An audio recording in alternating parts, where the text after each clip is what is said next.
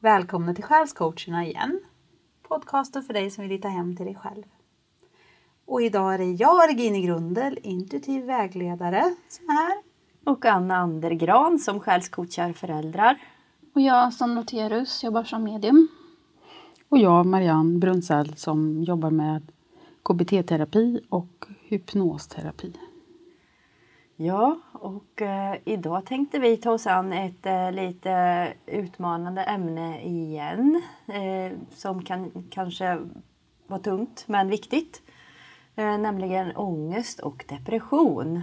För vi lever ju i tider när det blir, tycks bli allt vanligare. Eh, och ja, tider som är svåra på många sätt. På många nivåer. Och jag vet ju att många kämpar med ångest och depression. Och jag vet ju att eh, vi är, i alla fall en del av oss här, har haft egna erfarenheter av att må dåligt på olika sätt av olika orsaker. Och så ja, vad kan man göra? Eh, och så. Vad har hjälpt er? Jag vet inte vem som ska vill börja riktigt. Jag kan, jag kan väl ta det. Mm. Eh, ja, jag har ju själv haft depression när jag, jag tror jag var runt 20 eller 21. Eh, på grund av lite saker som hände i livet då. Eller saker som inte hände i livet kanske. Det var ju, ja. Jag kände väl av det själv liksom att jag att jag hamnade i en väldigt dålig svacka på grund av arbete. Jag var arbetslös just då. Och så vart jag sjuk på det också samtidigt för att jag mådde dåligt. Så jag fick ju bältros samtidigt också. Men eh, jag kände väl att jag inte hade varken ork eller lust att göra någonting. Jag mådde dåligt. Jag tyckte ingenting var roligt längre. Mm. Och just att ta hand om mitt eget hem funkar ju inte alls. Liksom. Mm. Man eh, skulle behöva städa till exempel, men man städar inte. Man fixar inte disken. Man, till slut så struntar man i att tvätta och allting sånt där liksom. Eh, och så åt man ju sämre också. Mm. Så man hamnar liksom i en dålig cirkel som var jättesvår att komma ur själv. Men jag kände väl liksom till slut att jag inte ville må så. Jag ville liksom vara glad som man kunde se alla andra vara och må bra i livet och göra saker som var kul. Och man, jag kände väl liksom inombords att jag ville orka göra saker hemma. Mm. Så jag tog hjälp av sjukvården och jag tror jag hade tur som träffar rätt person direkt. För jag tror det är jätteviktigt att träffa någon som har förståelse och som man klickar med. Mm. För annars hade jag träffat fel så hade jag kanske mått dåligt längre än vad jag gjorde. Och så hade jag säkert fått söka efter andra vägar. Men jag tog inte hjälp av någon mediciner eller något sånt. Utan eh, jag fick berätta hur mitt liv såg ut, vad jag gjorde och vad jag inte gjorde. Och sen fick jag liksom börja i grund och botten med mina livsrutiner typ. Och försöka över, tvinga mig själv till att gå ut och gå, äta frukt, äta ja, men sallad till mat och sånt där. För att hon sa till mig att allting hör, hör ihop. Det hänger ihop liksom allting. Att, ja, tar man bort saker ur livet och man blir mer passiv så man dämpar sig själv successivt. Liksom. Man behöver få in energi. Mm. Och när man hamnar i depression så är det jättesvårt att liksom ta sig an det själv. Så man får verkligen tvinga sig själv för att påbörja någonting nytt. Så det kanske bara handlar om att ta promenader som var tio minuter per dag. Och sen ökar man successivt. Så fick jag skriva dagbok och så vidare. Jag höll på med det där i några månader. Eh, så jag fick jättemycket bra verktyg utav den här kvinnan då.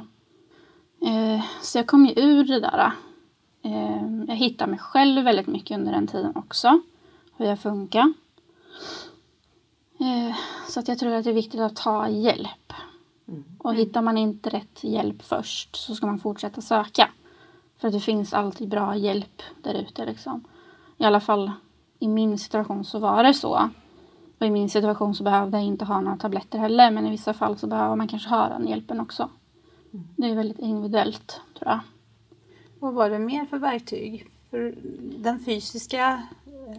Ja, delen förstod jag ju. Men fick du även hjälp att handskas med tankar och sånt? Eller? det var mest den fysiska som jag fick börja med. För att den fanns liksom inte där alls. Sen så fick jag föra dagbok varje dag om hur jag mådde. Eh, om jag hade en dålig dag, bli mer medveten om tankarna just den dagen. Liksom. Även om det var dåliga tankar eller bra tankar så skulle man skriva ner det. Liksom. Man får syna sig själv väldigt mycket. Liksom. Men jag fick, jag fick inte gå någon, någon, i någon grupp eller något för att handskas med mentala tankar eller sortering av tankar och sånt där.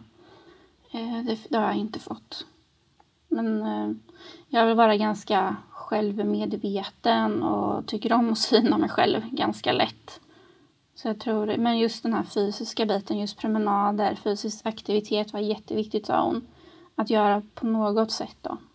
För att påbörja någon process.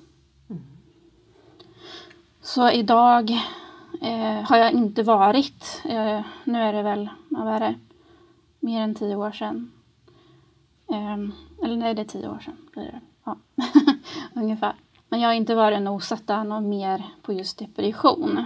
Jag kan känna av, eh, om vi säger varningstecknen liksom. Jag kan få ångest ibland när jag har det väldigt stressigt. Eller när det blir motgångar i livet eller om det händer någonting så kan jag känna av det.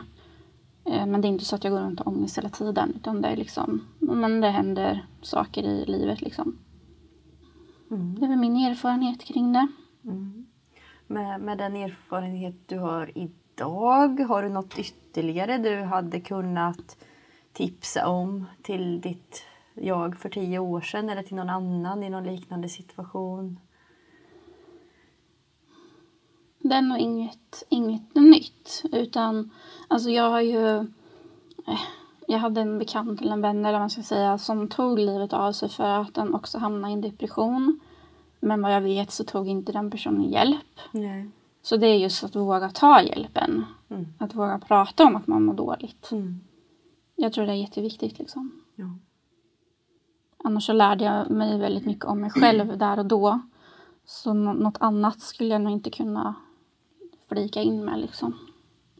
Hur märktes det på dig att du var deprimerad? För ibland så upplever jag att människor kanske inte riktigt vill be om hjälp eller är medvetna om att de förändras och mår sämre själva. Som att man gömmer sig lite för det.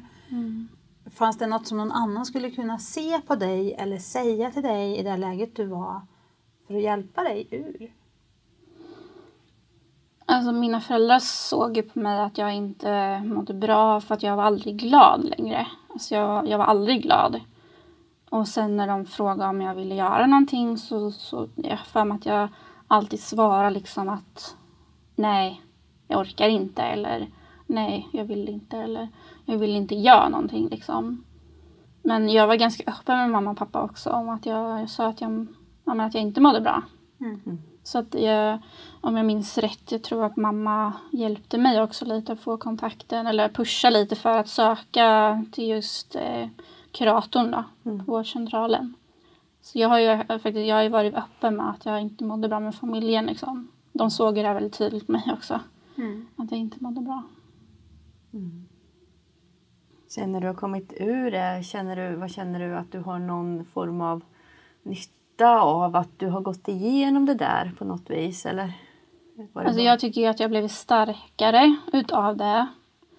Och sen att jag blir, har blivit mer medveten om mig själv, mina känslor liksom. Mm. Och sen så har jag ju full förståelse för de som kan hamna där också. Mm. Att man kan bli deprimerad, att man kan må dåligt eh, mentalt liksom. Mm. För det är de som aldrig har mått dåligt mentalt kan inte sätta sig in i hur det faktiskt känns liksom. Nej. Så det, i det arbetet jag gör idag så är det en väldigt ett stort plus liksom. Att ändå kunna, alltså jag känner mig ändå ödmjuk för de som sitter i den situationen. För man måste välja att göra förändringen själv. Man, det är ingen annan som kan göra den åt en liksom. Så att jag har ju förståelse för att man kan må så pass dåligt också att man, att man vill ta livet av sig. Jag var aldrig så pass långt men jag kan ändå förstå det på något sätt liksom. Mm. Kan jag.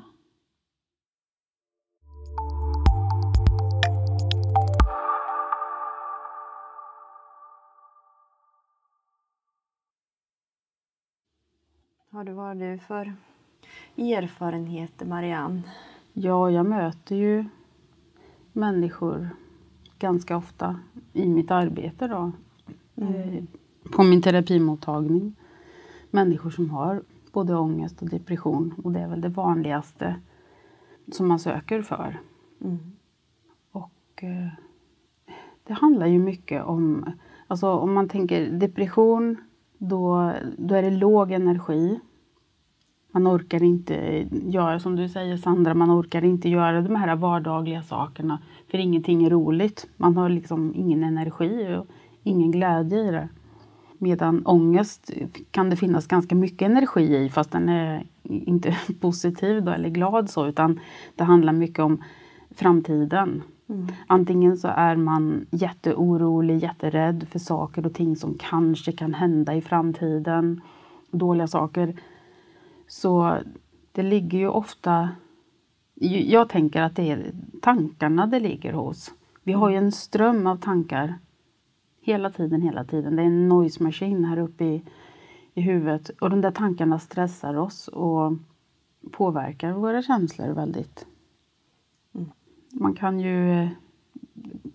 Liksom, rent logiskt kan man ju säga att om man skulle skriva ner vilka tankar man har under en dag. Har du väldigt mycket negativa tankar om att ja, jag har ont och det är dåligt väder och jag kommer säkert inte att hitta något jobb och ja, jag har dåligt med pengar. Om man tänker på sådana här saker hela tiden, det är klart att man mår sämre då Ja. än om man fokuserar på sådana saker som faktiskt är bra i ens liv. Men ibland är ju situationen inte alls rolig. Man kanske har någon sjukdom, man kanske har smärta. Eh, det är saker runt omkring en. Men det, det jag har fått hjälp av själv, om jag säger, när, jag, när det har varit besvärligt runt omkring. Så det här acceptansen. Okej, nu accepterar jag att nuet ser ut som det gör. Det kommer att förändra sig. Det kommer inte- alltid att vara så här, men just nu är det så här och jag gillar läget. Precis. Jag tror att många kan ha ångest idag för att de har väldigt höga krav på sig själv. Eller att det, ja, men, säg, samhället pushar också. Som gör att ja, okej, jag måste prestera till exempel. Om det handlar om jobb eller utbildning och så vidare. Eller skola. Så tror jag att där kan det bli väldigt ångestlandat också. Prestationsångest. och- Ja, Mm. att man, man känner att man måste uppfylla krav eller och så vidare och sen känner man själv att man, man klarar inte av det. Och då blir det väldigt eh, påfrestande och tungt liksom. Mm. Man kanske inte orkar just där och då. Man inte håller måttet liksom. Nej, så man måste ju ställa rimliga krav på sig själv.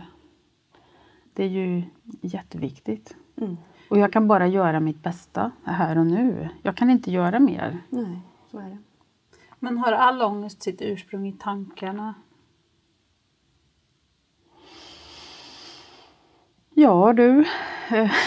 Jag tänkte eftersom du sa Ja, det. ja, ja, ja, min uppfattning är så. Ja. Mm. Att det är inte det där äh, som är där ute som ger mig ångest utan mina tankar om det. Det är det som stressar mig. Jag har ju turen att inte ha upplevt depression eller ångest på det viset själv. Men skulle någon av er kunna beskriva till exempel hur det känns när man får ångest? Alltså för mig så eh, känns det ju lite som att om jag, jag är jättestressad. Det känns som att jag också kan ha väldigt svårt att fokusera eller att jag glömmer, börjar glömma bort saker. Eh, och sen att det blir, det blir som ett tryck över bröstkorgen och det känns som att jag får svårare att andas. Det blir, nu har jag fått astma på, på äldre dagar eller vad man ska säga. Du som är yngst i gruppen. ja. men, Ja, vad gulligt. men det blir ungefär på det här sättet. Det känns som att jag har svårt att andas liksom. Att det blir tyngre och jag känns som att jag, kroppen börjar stressa upp sig själv och det känns också som man kan börja, alltså man kan börja gråta bara. Man vet inte vad man ska, var, varför man gråter. Man gråter liksom. Det blir så här känsloladdat på något sätt. Det är väl lite så jag upplever det. Men just att pulsen blir högre, trycket över bröst, bröstkorgen liksom. Och det är väldigt obehagligt va? Har Ja, jag hört andra säga. ja det är det. Ehm, jag har väl mer lärt mig liksom att när jag försöker hantera det, liksom in, inte försöka bråka med den känslan utan låta det komma. Och sen börjar jag liksom försöka jag fundera lite på, eh, för jag fråga mig själv, okay, var, varför, varför är jag stressad över det här? Eh, är det något jag kan- påverka här och nu? Eller är det något som jag måste bara landa i och låta komma liksom? För och, jag tror att många gånger så är det ju en situation som man inte kan hantera. Eller att det är en situation som behöver förändras. Och sen att man inte riktigt har koll på läget. Så kanske man behöver liksom rannsaka sig själv eller fundera över situationen som man blir, får ångest för. Liksom. Men sen har jag ju träffat några genom mitt jobb eh, som säger också att om jag har ångest, men jag vet inte varför jag har ångest. Och där, där tycker jag, alltså jag har så svårt för det, för jag är så medveten hela tiden om mina tankar och känslor. Men jag tror att man kanske inte riktigt är i sig själv då.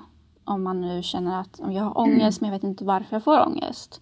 Det är ju någonting som triggar igång det, tror jag i alla fall. Ja, visst är det det. Och, alltså, KBT handlar ju mycket om att identifiera sina tankar. Man kan sitta och eh, gå in i en situation och så säga vilken tanke kom först, vilken tanke kom sen. Och, och sen när man har identifierat sina tankar eh, så tar man nästa steg. Finns det något annat sätt man skulle kunna tänka på? Och så får man försöka tänka ut det. Och då kommer man nästan alltid på liksom att mm, man skulle faktiskt kunna tänka så här istället. Och då minskas den här ångestnivån faktiskt. När man kommer på. Man bara analysera lite. Och hitta alternativa tankesätt. Och Ja. byta ut tankarna mot andra Mm, ja.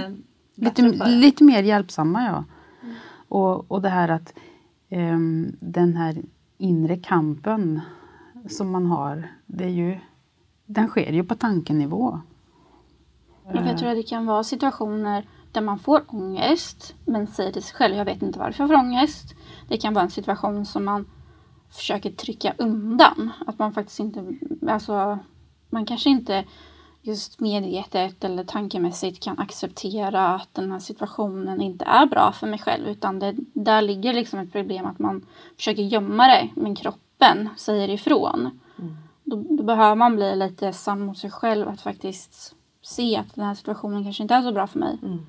Att lyssna på kroppen och inte köra det här liksom att nej jag vet inte varför jag har ångest. Jag Nej. tror att börjar man gräva inombords så kommer man att hitta varför man har ångest. Mm, Det där tycker jag är jätteviktigt också. För att ibland så kan det ju vara någonting i livet som man faktiskt behöver förändra. För att kunna må bra. Någonting som Absolut. faktiskt inte är bra. Och då, då hjälper det ju inte att bara förändra tankarna om det. Och, och liksom tänka att det är bra fast det inte är bra. Liksom. Utan då behöver man ju också orka se vad som behöver förändras. Absolut. Eh, Men för att kunna ta det steget och eh, kunna förändra, då är det viktigt att kunna förändra tankarna till vilka möjligheter man har att förändra situationen och att ja, leta efter möjliga vägar vidare ur det som är. Istället för att köra Dina, fast. käns precis, dina känslor ger dig ju, har ju budskap till dig. Mm. Att det är, det är någonting du behöver titta på, det är någonting du behöver göra. Mm. Ehm, så ja, du kanske måste byta jobb eller du kanske måste skilja dig. Eller, ja, för att vara extrem då. Men alltså, du kanske måste göra något, något åt din situation. Mm. Absolut. Mm. Men kan man inte också hamna i en loop? Jag tänker kring det här med ångest. Att rädslan för själva ångestattacken kan göra att man får en ångestattack. Mm. Ja, det är ju det du jagar. Du framkallar ju ångestattacken själv. Du rädslan för att bli rädd. Så du framkallar den ju alltid själv. Jo, men just att det kan bli som en spiral av ångest för att man är rädd att få ångest. Ja. Så den grundorsaken, eh, den kanske man inte tittar på för att det blir hela tiden rädslan för ångesten som blir problemet. Mm. Och då kommer man kanske inte förbi Mm. den rädslan som man ser varför man fick ångest från början. Mm. Ja. Den Nej, börjar alltid på tankeplanet. När man liksom har hållit på att analysera ett tag så är det ju någonting som triggar. Och att man redan på ett tidigt stadium kan liksom fånga upp det. Eh, och så accepte- acceptans, alltså det, det låter dumt kanske. Det är inte så att jag, ja, nu accepterar jag att jag ska ha ångest och må dåligt resten av livet. Men jag accepterar att just nu har jag den här känslan och jag går in i den. Jag vet att den kommer att släppa. Mm. Absolut. Den kommer Istället, alltid att släppa. den liksom. gör alltid det. Så att, att ju mer jag kämpar emot desto starkare blir känslan. Mm. Så när jag accepterar den istället och går in i den och säger okej, det kommer att släppa. Mm. Men jag har också hört som du pratade om Regina, att det är flera som blir Alltså de har ångest i grund och botten för en anledning men de blir rädda för att få ångesten för att det är så obehagligt. eh, Så att det blir liksom fel på något sätt. Jag har hört flera prata om det faktiskt. Och sen tänker jag att om man inte vet varför man har ångest, om det faktiskt är så att man inte medvetet vet, Mm. eh, då har jag också hört att det kan vara sådana saker som förträngda minnen och sånt som finns i botten någonstans som man inte riktigt har tillgång till medvetet. Mm. Som kan ligga under ytan och liksom bråka med en tills man är redo att faktiskt se det. Och då, hur kan man nå bortom ångesten till kärnan? Det kan ju vara något i livet som en relation eller ett jobb eller bara att man känner att man är stressad och inte hinner med och så blir det för mycket och sådär. Men det kan ju också ligga något längre ner. Mm. Hur gör man då? Man måste på något sätt be om hjälp, eller hur? Även för ångest. Eller är det något som man kan fixa själv? En del fixar det själv men det är väl en jättebra idé att be om lite hjälp. För det kan vara väldigt svårt att se själv, tänker jag. Mm. Ja. Vem ska man... Är det, för man kan gå till dig, Marianne. Man kan komma till mig och ibland funkar det och om det inte funkar då får man gå till nästa. För det är som, som du pratade om förut, det ska klicka också om man ska liksom Ja. hitta, hitta varandra. Och det finns ju ganska många olika metoder också att få hjälp. Mm. Det kan väl vara olika man behöver då beroende på vad det bottnar i, vad som, problem, alltså vad som orsakar det dåliga måendet kan jag tänka mig. För jag har upplevt när jag har haft samtal med folk, jag, jag jobbar ju inte med jag jobbar ju inte inom sjukvård eller med någon speciell behandlingsmetod utan jag jobbar ju med, med prat och samtal om mående. Men jag kan ju uppleva att det som verkligen hjälper till det är just att kunna lyfta grundorsaken och titta på den. Mm. Och att det är där liksom knuten sitter. Ja. Men för att komma dit så måste man ju komma förbi ångesten. Och då måste man ju ändra tankemönster eller hitta någon annan metod att våga komma ner till kärnan kanske. Mm. För jag tror också att det är viktigt att lyfta, alltså grundorsaken tycker jag är allra viktigast på något sätt. Att man, att man inte bara sätter ett plåster på och fortsätter, om ni förstår vad jag menar. Så Utan man verkligen vågar gå till djupet hos sig själv och hitta det där i botten. Ja. Ja,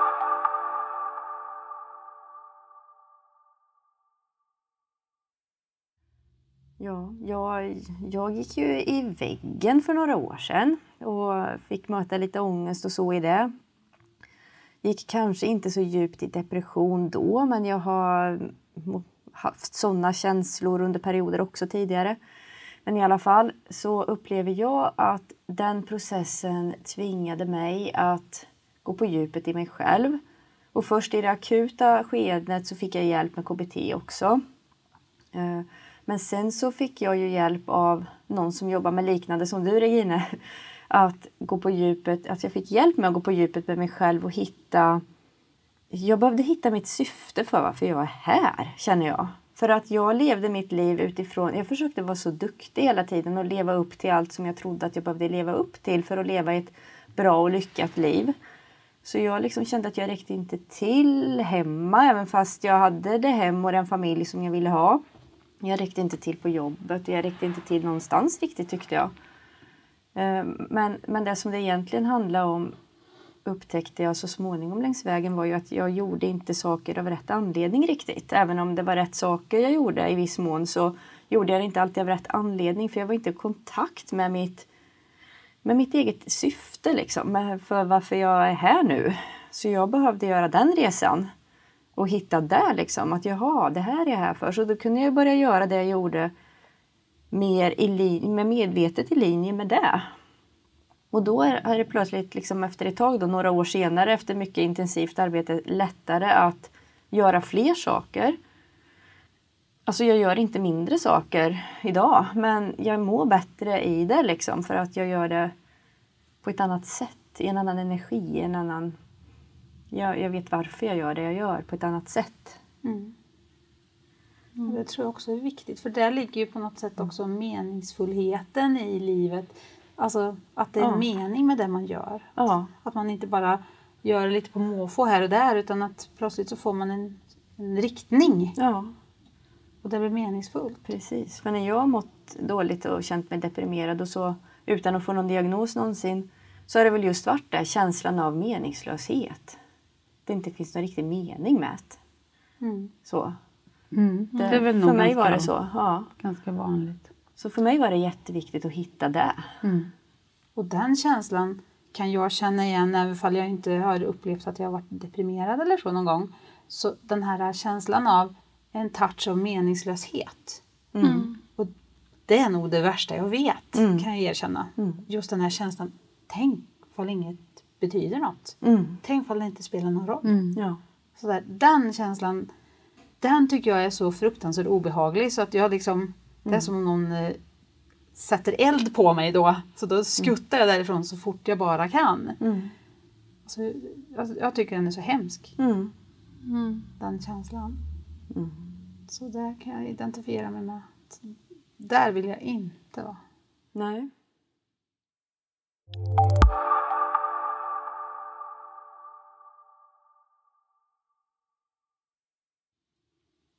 Det är som, som du pratade om Sandra, där att hitta en väg ur en, en depression. Att I början kanske man får tvinga sig till att göra saker som man mår bättre av. Mm. Det, det är eh, ovärderligt alltså att promenader i naturen, det, det borde alla göra.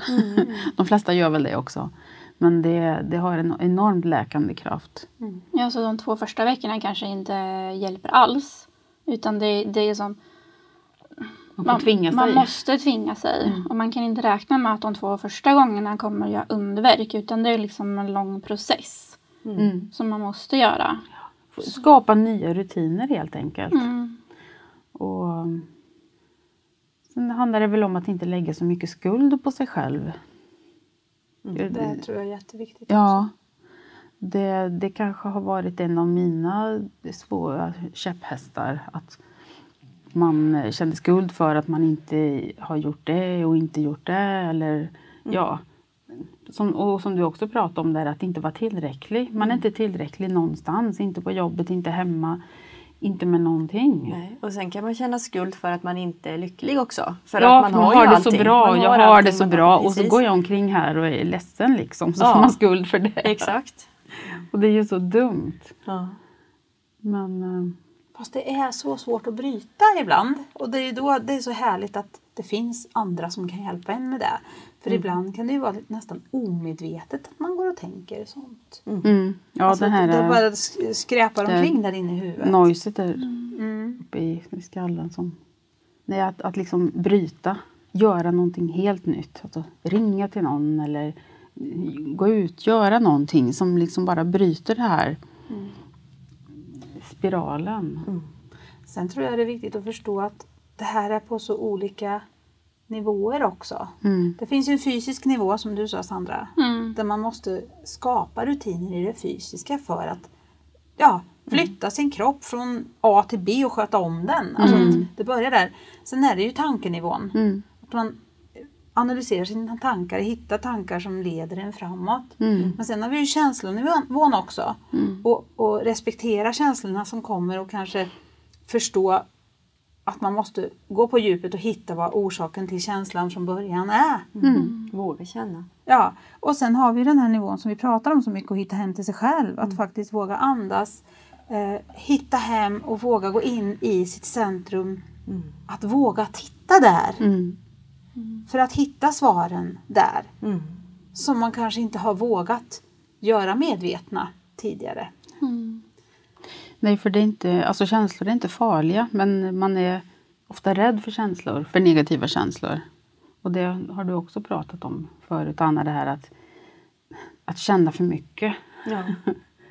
Men eh, ju mer man försöker att kämpa emot, som vi har sagt, desto jobbigare blir det ju. Då blir ju känslorna starkare, för de har ju ett budskap till dig. Ja. Bättre att vara sann och känna det som känns. Vad är det emot sig?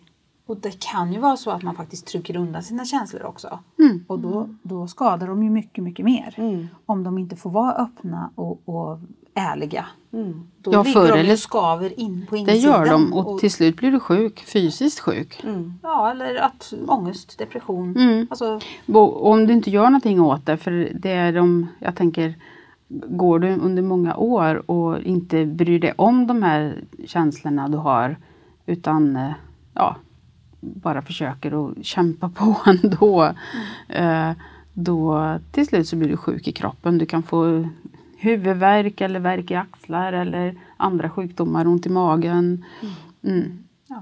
Och Sånt vi håller tillbaks, det skapar ju blockeringar. Ja.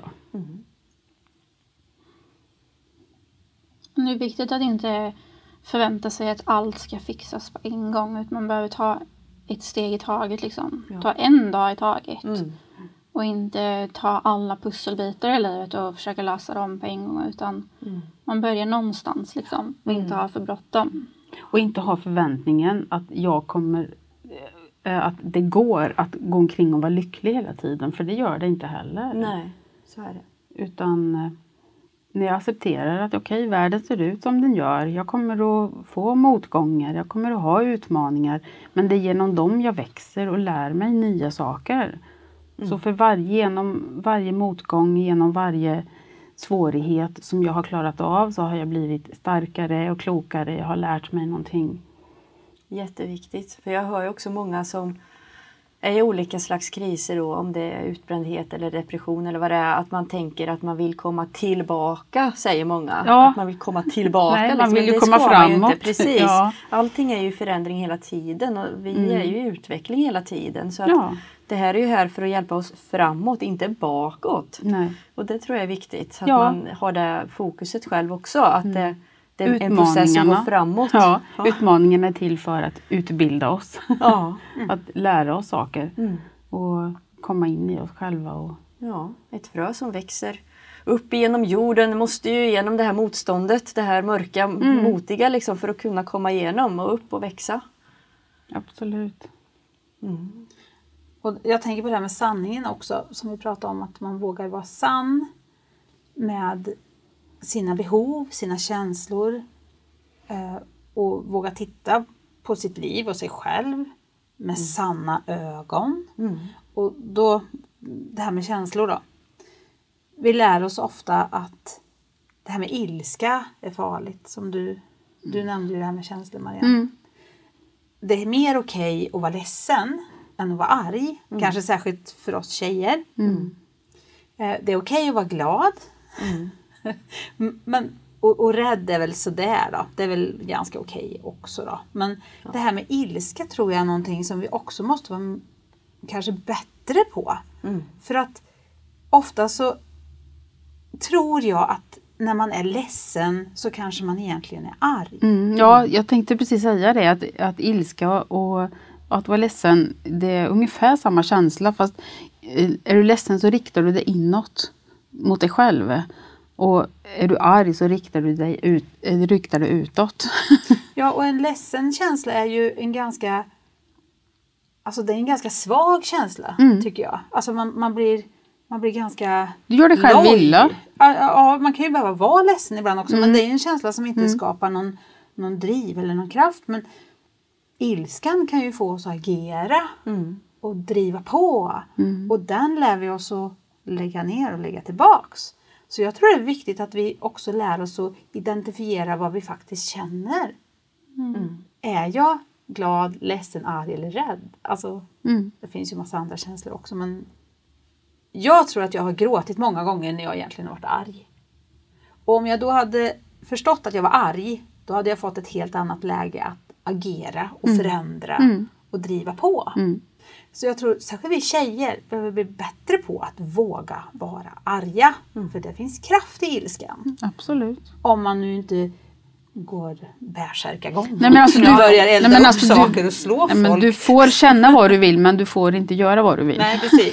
Nej, men för, för jag har tänkt på det här flera gånger nu sista tiden så har jag just pratat om det här med ilska. Att när någon växlar ifrån att vara ledsen till att bli arg. Då börjar det hända grejer. Mer energi ja. Ja, så ibland tror jag att vi ska inte vara rädda för ilskan. Nej. Men vi ska ju såklart inte eh, Man behöver inte skada behöver- andra med den men man kan ju eh, omfamna kraften i den och rikta den på ett konstruktivt sätt. Ja, för jag tror att om vi håller tillbaks ilskan, om vi inte agerar på ilska eller låter den vara ilska utan gör om den. Det tror jag faktiskt är någonting som kan skapa typ depression, eh, panikångest, ångest. Ja, F- För att det är något som behöver fram, som inte får komma fram, som vi om, översätter till något ja. annat. Du blir sjuk. Mm. Ja. Så det tror jag är jätteviktigt just att vara sann även med känslan. Mm. Att man vågar identifiera vad är det jag känner egentligen. Mm. Bra. Vad är du arg på? Eh, jag är arg på att så många inte vågar visa ilska. Ja. Nej, jag är, inte, jag är inte arg just nu, men jag har varit arg. Ja. Och jag sa att jag har ju inte upplevt de här depression och, och ångest och så, men jag har ju haft en uppväxt där jag fick möta väldigt mycket tunga, jobba, jobbiga och skrämmande situationer och känslor. Mm. Och jag kommer ihåg min tonårstid som att jag var ständigt arg. Mhm. Och det tror jag var det som fick mig att inte gå in i en depression istället. Ja. Jag var jättearg hela tiden. Mm. Ja, hemma. Jag tror inte det märktes i skolan. Nej, det, mär- det gjorde Nej. det inte. Nej, men alltså jag var arg. Jag var en arg tonåring. Mm. Och nu när jag tänker efter under vårt samtal här så, så inser jag att det kanske var det som räddade mig från att hamna i depression Absolut. eller Mm. ångest. Ja, du riktade den utåt istället för inåt. Ja, Mm. så heja ilskan! Ja. Så länge det inte skadar någon annan. Ja. Ja, Ja, för det kan jag ju också känna igen liksom, när du pratar om det. Att, I alla fall en tydlig situation liksom, där jag borde ha lyft fram ilskan och tagit det till handling till att göra någonting kring situationen i sig. Men istället för det så stoppade jag in den väldigt snabbt och vart ledsen istället. Mm. Och Skada dig själv. Ja, och, och det vart inget bra med den situationen egentligen. Nej. Jag borde ha gjort annorlunda i situationen. Ja. Mm. Så att, ja. Och det behöver ju inte alls vara så att man gapar och skriker utan man kan liksom bara helt lugnt säga att nu blev jag faktiskt arg. Mm. Jag, eh, markera liksom. Mm. Ja. För alla uttryck för känslor är, är ju rätt om de är sanna. Mm. Alltså, Så du Vi kan inte visar- känna fel. nej, och vi visar ju ilska kanske på olika sätt men det viktiga är att vi är ärliga med vad vi faktiskt känner. Och ibland är det ju rätt att vara ledsen, ibland är det rätt att vara arg, ibland är det rätt att vara ar- rädd. Det beror på vad är det vi känner. Mm. Så inget är ju bra eller dåligt sådär. Vi har ju Nej, en känsla alla kan inte känslor vara... i olika lägen. Mm. Men just det här att vi vågar vara sanna med. Ja, Precis som vi ska vara sanna med vår magkänsla som vi Mm. brukar prata om. Att vi vågar lyssna på den och vara centrerade och, och följa den rösten. Mm. Men det är även så att det är viktigt att låta sanna känslor finnas där. Mm. För de, vi kan ju inte ta bort våra känslor, vi är ju människor. Ja, absolut. få, man kan ju inte säga så här att ah, känslor ska vi inte följa. Nej, vi kanske inte ska följa men vi måste få känna dem. Ja, och, och liksom inte känna skuld för att man känner någonting. För en känsla är en känsla. Den, den bara är liksom. Det är som att vara Sen mätt så- eller hungrig liksom. Mm, ja. Det, det är bara. Du kan inte hjälpa det. Nej. Men du, men, du vet, men du måste lära dig att hantera det på ett sätt som inte skadar varken dig själv eller andra. Precis, precis. Men att det är ingen värdering i Nej, Nej. att, det är dåligt att känna något, för sådär. Att det är ju något Mm. som bara sker. Mm. Mm. Och det tror jag vi har en tendens i, i uppfostran och i vårt samhälle så, att tala om att vissa känslor är fel och Ja. Mm. andra är rätt. Så där får du inte känna det, så där får du inte göra. Nej precis, då känner man skuld för Var att man inte är så arg. arg. Och det där är inget att vara ledsen för. Ja. Precis, och vad händer? Jo, då trycker man in det. Man Ja. lär sig att här får man inte känna Då så lär man sig här. att man känner fel. Ja. Mm. Och, Och då, då dömer man också andra Mm. mycket mer. Mm. och i nästa steg, vad händer då? Ja, då är vi ju tillbaka där vi började. Mm. Att det händer saker till slut om man gör det för mycket. Ja. Vilket visar sig på olika sätt. Mm. Bra sagt! Ja. Ja, tack! Nej, men för att avrunda det lite så är det ju viktigt i alla fall att våga ta hjälp. Ja, Våga säga till någon att man inte mår bra. jätteviktigt. Ja. Mm. Och att man ändå in, inte ger upp heller liksom. Och om man inte vet vart man ska ta hjälp så prata med någon som Men du vem känner som förtroende helst, för. ja. Mm. Som kanske kan hjälpa dig om du inte har kraften och orkar ta tag i det själv. Men vet ni några organisationer eller sådär som man skulle kunna länka till? Vi har ju dig Marianne, vi har ju olika terapeuter Mm. Ja. som jobbar med det här. Ja, det finns organisationer som har telefonjour dygnet runt faktiskt. Eller vissa kvällar i veckan eller sådär. Och det är dels SPES, eh, suicidprevention och efterlevande hjälp. De har mm, telefonjour om man mår dåligt och sådär. Så man kan ringa och prata. Eh, Det finns Mind. eh, Det finns fler sådana där. Vi kan skriva in dem. Ja, vi kan väl länka till dem Mm. i avsnittsinformationen. För det känns Absolut. viktigt också att, man, att det, det finns sådana. För Vägar unga att finns gå. ju BRIS. Ja, precis. Ja, Eller kontakta en vårdcentral Ja. också. Mm. Så det, det finns och jourhavande präst och sånt där. Medmänniska va? Jourhavande medmänniska finns det ja, kanske det. Ja, och diakoner och diakonissor. Och. Så det finns människor och att det liksom inte är fult att söka hjälp. Det är inte dåligt. Du är, du är inte en dålig människa för att du mår dåligt liksom. Nej. Nej, du är bara en människa. Ja, Jag tror de flesta människor möter är sånt dåligt mående någon gång i livet. ja, För att ja, det är ju just genom motstånd som vi växer. det är så. Det är ju så. För om, om vi står still så, så är det inget motstånd. Nej, om vi Men glider fram vi på ett bananskal hela vårt liv, vi lär oss ingenting. Nej. Utan det är ju genom motståndet vi växer. Så Ja. att, så att, och vi är ju här av en anledning idag. Eller flera anledningar kanske. Mm. Så en del utav anledningen att vi är här är ju att vi ska växa och utvecklas. Ja. Så då kommer vi att må dåligt också. Ja, då är det väldigt jobbigt ibland. Ja, Ja, så är det. Så är det bara. Och, och vi kommer alltid att möta nya utmaningar. Så att Ja. vi, vi kan inte tro liksom att nej men nu, nu är jag klar, nu kan jag bara glassa resten av livet. Nej. Utan men vi har redskapen för och vi vet att i varje situation så kommer det finnas någonting jag kan göra för att Mm. hantera det här. Eller be om hjälp. Eller be om hjälp. Mm. Bra samtal hörni. Ja, Intressant. Tack alla! Ja, tack alla. tack ska vi ha. Ja, tack ska vi ha! Ja, precis. Ja, Ja, så hörs vi igen ja alltid. Vi återkommer som en boomerang var fjortonde dag. Ja. Ja, men tack för idag hörni. Mm. Hej då! Hej då. Hej då. Hej hej.